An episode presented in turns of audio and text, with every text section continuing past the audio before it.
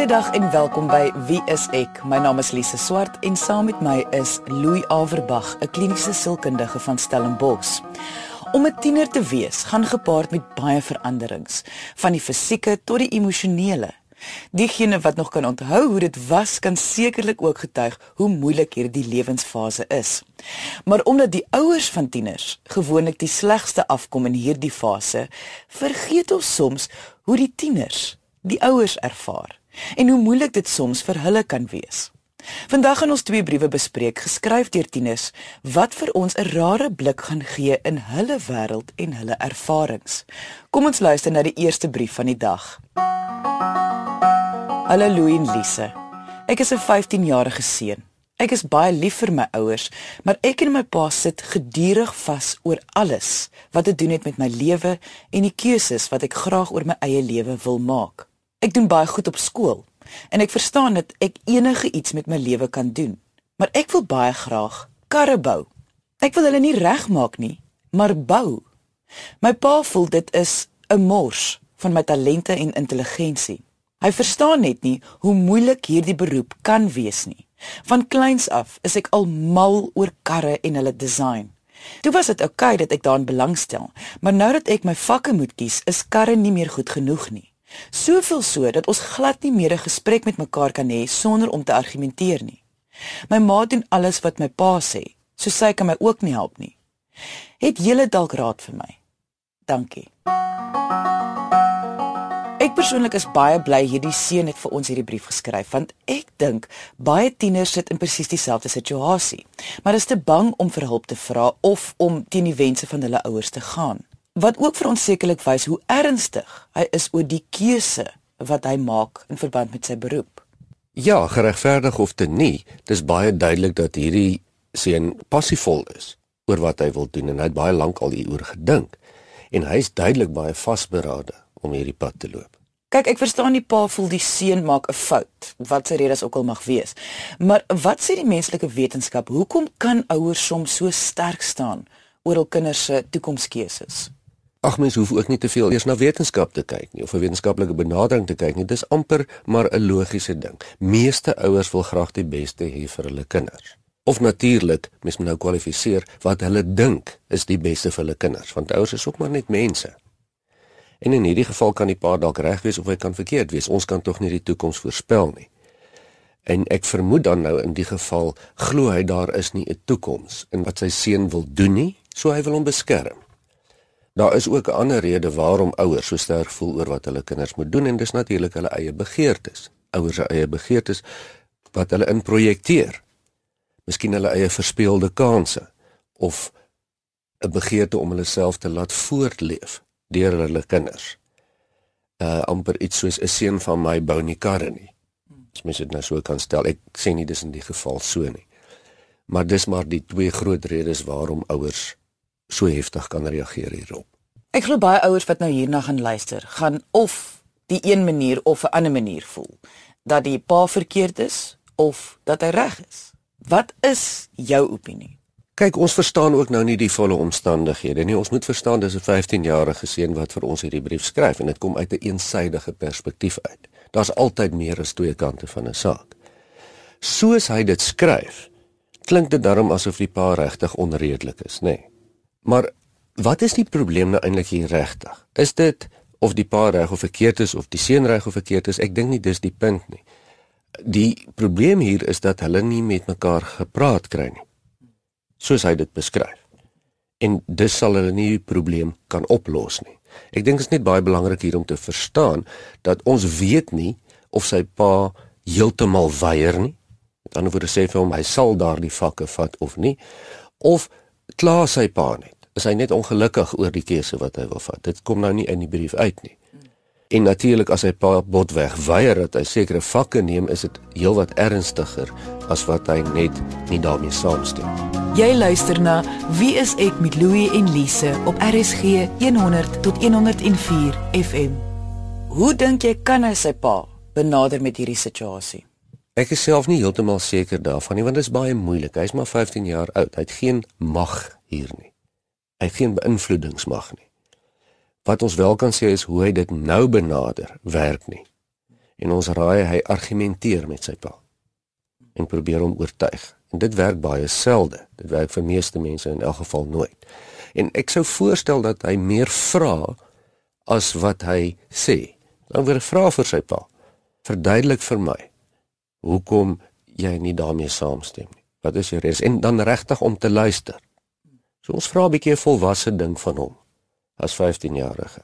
Speel bietjie volwasse hierso en luister meer as wat jy praat.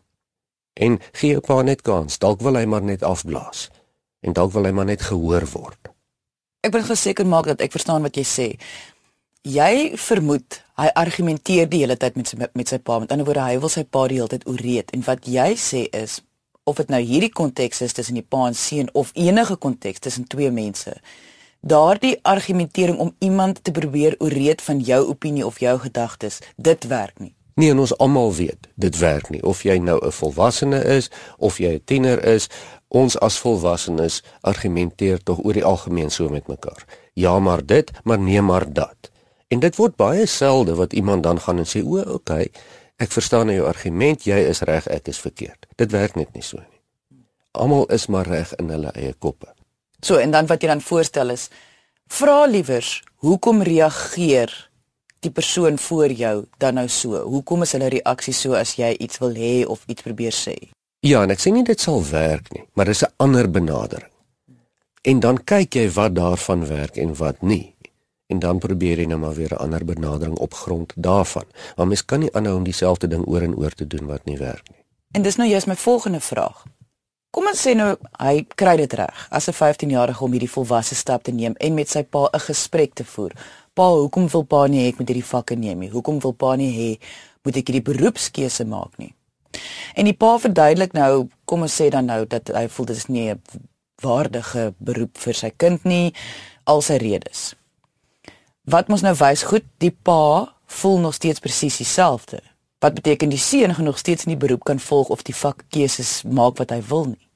Wat doen hy dan? Ja, en dit sal dan in die uiterste geval wees. As dit amper kom by 'n punt wat die pa sê dis omdat ek so sê en klaar of selfs op 'n mooi manier sê en hy maar hy dui aan dat daar geen alternatief is nie. Dis hoe dit gaan gebeur. Dan het hierdie seun geen keuse nie. Dan moet hy maar daarbey inval en die beste daarvan maak ten minste tot hy 18 is.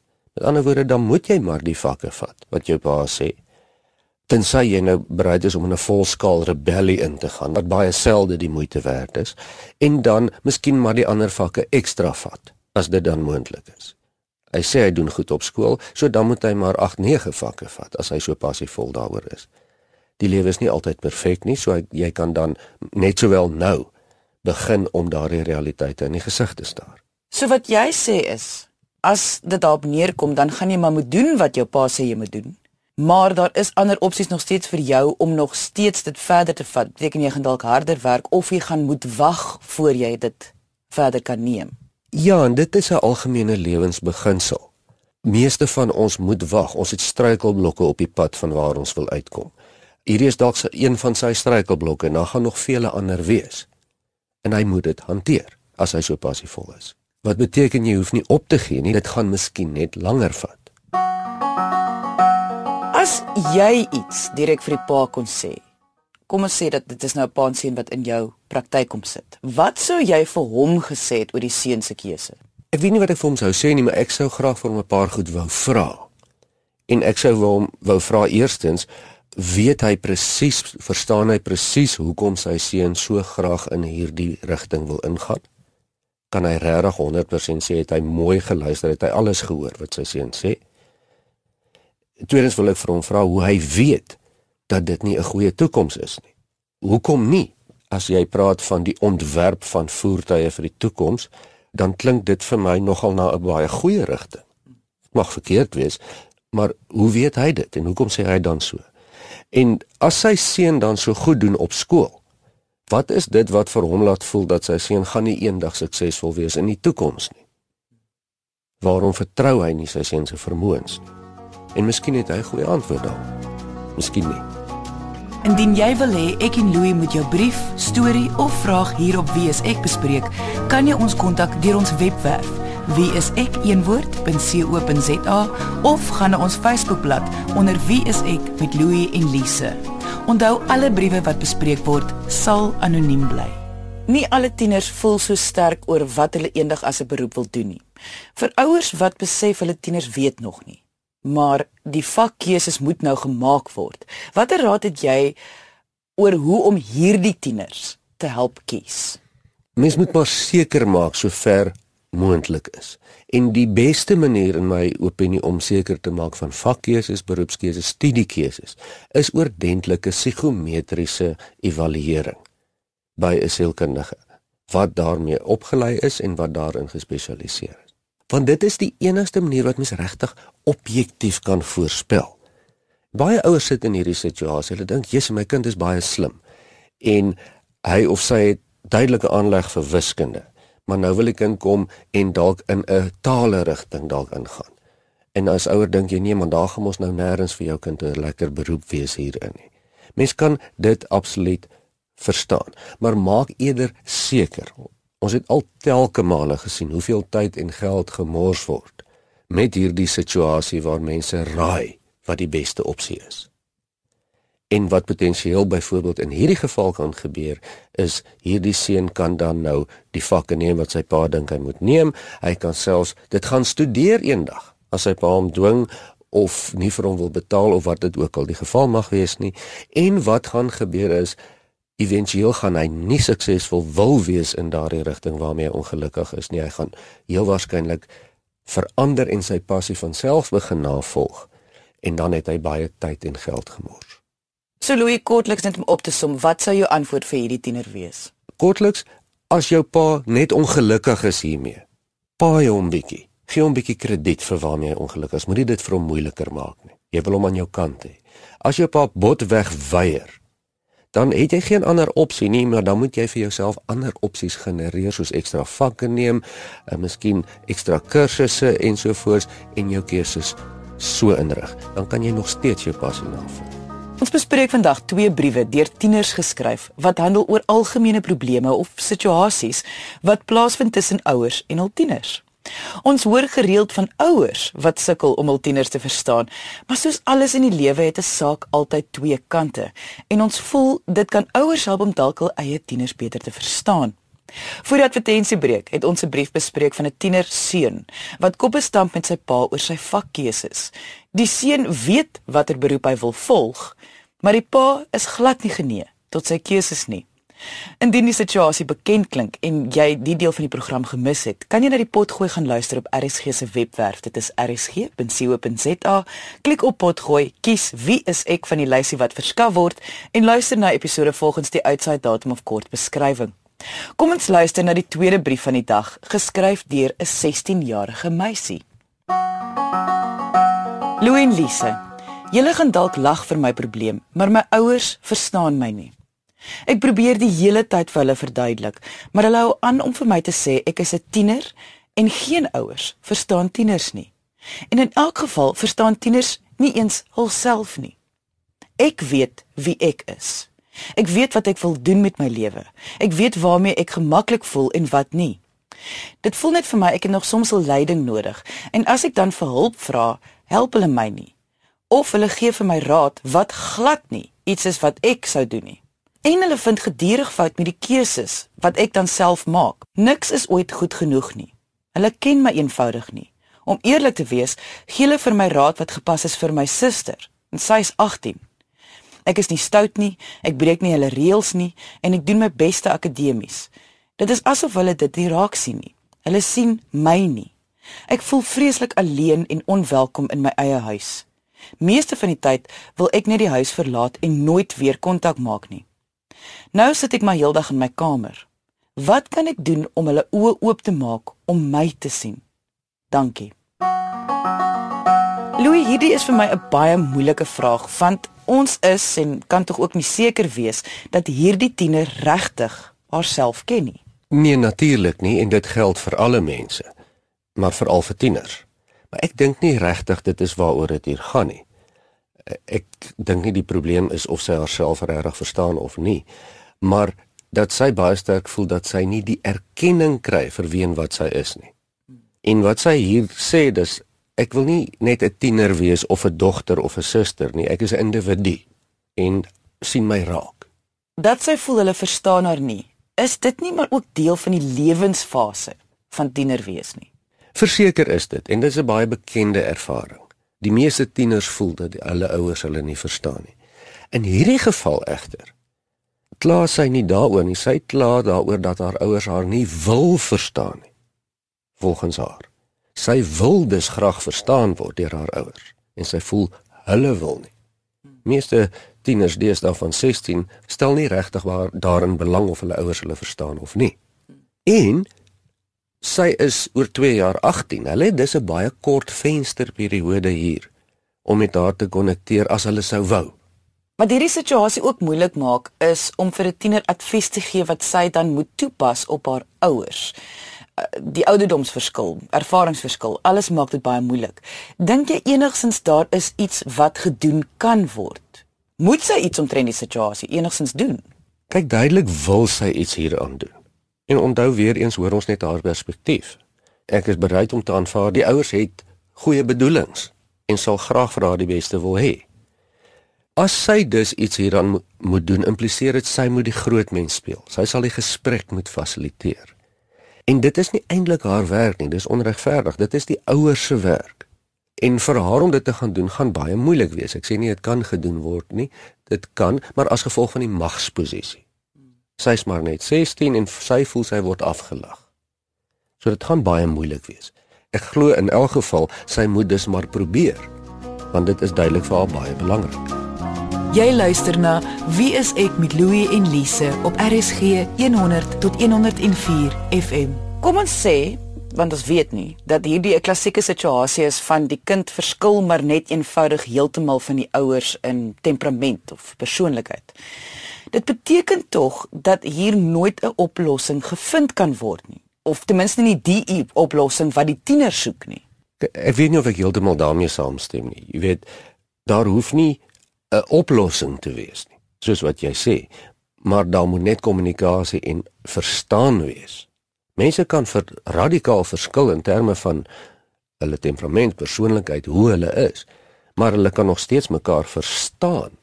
Dit is dus glad nie onmoontlik hier in die geval dat hulle mekaar beter kan verstaan nie. Goed, wat sou jy voorstel? Moet sy dan doen om dan ten minste die huishoudelike omstandighede vir haar verdraaglik te kan maak. Kyk, ons moet mooi verstaan hier. Soos ek dit lees, is haar omstandighede glad nie ondraaglik nie. Dis nie asof sy swaar lewe het nie, dis meer emosionele dilemma vir haar. Sy wil op 'n sekere vlak die verhouding met haar ouers hê en hulle hanteer haar volgens haar sommer net so oppervlakkig en oor die algemeen. Dit beteken nie haar omstandighede is ondraaglik nie. Dit kan ondraaglik vir haar wees. Ja, en dis soms sal mense voorstel weer vir haar moet wees om dit anders te hanteer as wat sy nou doen. Sy sê sy sit maar in die kamer, sy het kontak verbreek. Dit werk nie as sy wil hê daar moet kontak wees nie. Dit mag dalk onregverdig wees in haar persepsie, maar die lewe is ook nie altyd regverdig nie. So sy sal iets anders moet doen. Ouers wat nou luister en dalk bekommerd is dat hulle tiener ook so voel. Watter raad het jy vir hulle om uit te vind hoe die tiener hulle as ouers ervaar? Dis baie eenvoudig. Jy vra hulle bloot. En dis nogal 'n ding wat mense nie doen nie. Mense vra nie sommer vir terugvoer nie, veral nie as ouers nie. Ons as ouers is nie sommer bereid om die terugvoer van ons kinders te vat nie, want ons voel hulle praat nonsens. Hulle is te klein. Maar as jy vra vir terugvoer, byvoorbeeld sê vir my, hoe ervaar jy my as pa of as ma? Dan moet jy luister dan help dit nie na die eerste sin wat jy wat sy of hy sê jy begin stry met a, met haar nie want dis wat ouers nogal doen. Jy hoef regtig niks te sê nie, jy hoef nie te stry nie, jy hoef nie eers saam te stem nie. Jou tiener gaan in elk geval 'n opinie hê of jy dit vra of nie. Maar daar sal opinies wees en as jy wil weet wat dit is, dan moet jy vra daarvoor. So wat jy sê is indien jy bereid is om te vra hoe jou tiener jou ervaar, moet jy bereid wees om ook te luister na die antwoord. Ja, jy hoef nie daarmee saam te stem nie en jy weet mos nou uit watter lewensfase dit uitkom. En ek glo ook nogal aan die mag van 'n opvolgvraag. As jy dan hoor wat jy nie wou hoor van jou tiener nie, dan kan mens ook dan vra oor wat kan mens dan doen om dit te verander? Vind eers uit wat sal die stappe wees om dan te werk aan die verhouding as om net te kom met die argument van wat jy ervaar is eintlik verkeerd.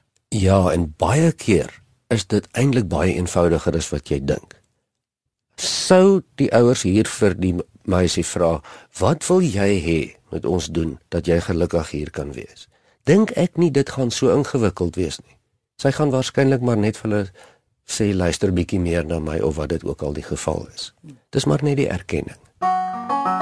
Indien die situasie met die skrywer se ouers nie beter raak nie, kon mens voorstel dat sy hulle vra om 'n professionele persoon te gaan sien om darm eers die leiding te kry wat sy so na smag en dalk ook net seker te maak hierdie situasie veroorsaak nie te veel angs by haar nie, want ek is nogal bekommerd daaroor dat sy nou haarself onttrek en isoleer in haar eie huis. Ek dink daarom nog nie dis op die punt klink dit vir my wat dit regtig risikogedrag is nie. Maar ek stem saam met jou dat as 'n strategie kan sy dalk baie ernstig na die ouers toe gaan en sê luister ek wil asseblief iemand gaan sien. Uh, want dis gewoonlik baie sterk aanduiding van hoe belangrik iets vir iemand is. En dit kan dalk dan 'n uh, gesprek ontlok by die ouers wat sy tog op voorhoop. Maar selfs vir ouers wat agterkom hulle tieners wil nie met hulle praat nie, kan 'n sielkundige ook help dat hulle net ten minste weet die tiener praat met iemand. Ja, Dis altyd die tweede keuse. Mens wil graag die verhouding self kan monitor, maar baie keer loop hierdie goed skeef. En en dan kan 'n derde party baie lekker help. So Louis, wat sou jou antwoord dan vir hierdie tiener wees? As ek sy was, dan sou ek na hulle toe gegaan het en vir hulle gesê het, luister, ek het hier vir hierdie mense geskryf op die radio. En hier is 'n potgooi van hierdie episode. Luister asseblief bietjie saam na my toe. Ek voel verskriklik ernstig hieroor en ek kan tog nie te dink dat die gemiddelde ouer haar sal aflag nie. Ek glo hulle bedoelings is positief en ek voel hulle as hulle dan die bewustheid kry daarvan, dan sal dit dadelik 'n gesprek ontlok en dis al wat sy wil hê. Vandag se onderwerp was spesifiek vanuit tieners se perspektief om ouers die geleentheid te gee om ook te hoor wat hulle voel. Vir ouers is die tienerfase sekerlik een van die moeilikste fases van hulle kind se lewe. So indien jy enige vrae het in verband met jou tiener, kan jy ons kontak deur ons webwerf, dit is wieisek.co.za of deur ons Facebookblad onder wieisek met Louie en Lise. Dankie dat jy vandag ingeskakel het. Ons maak weer so volgende Vrydag 0.30 net hier op RSG. Jy moet 'n heerlike naweek hê en onthou, kyk mooi na jouself.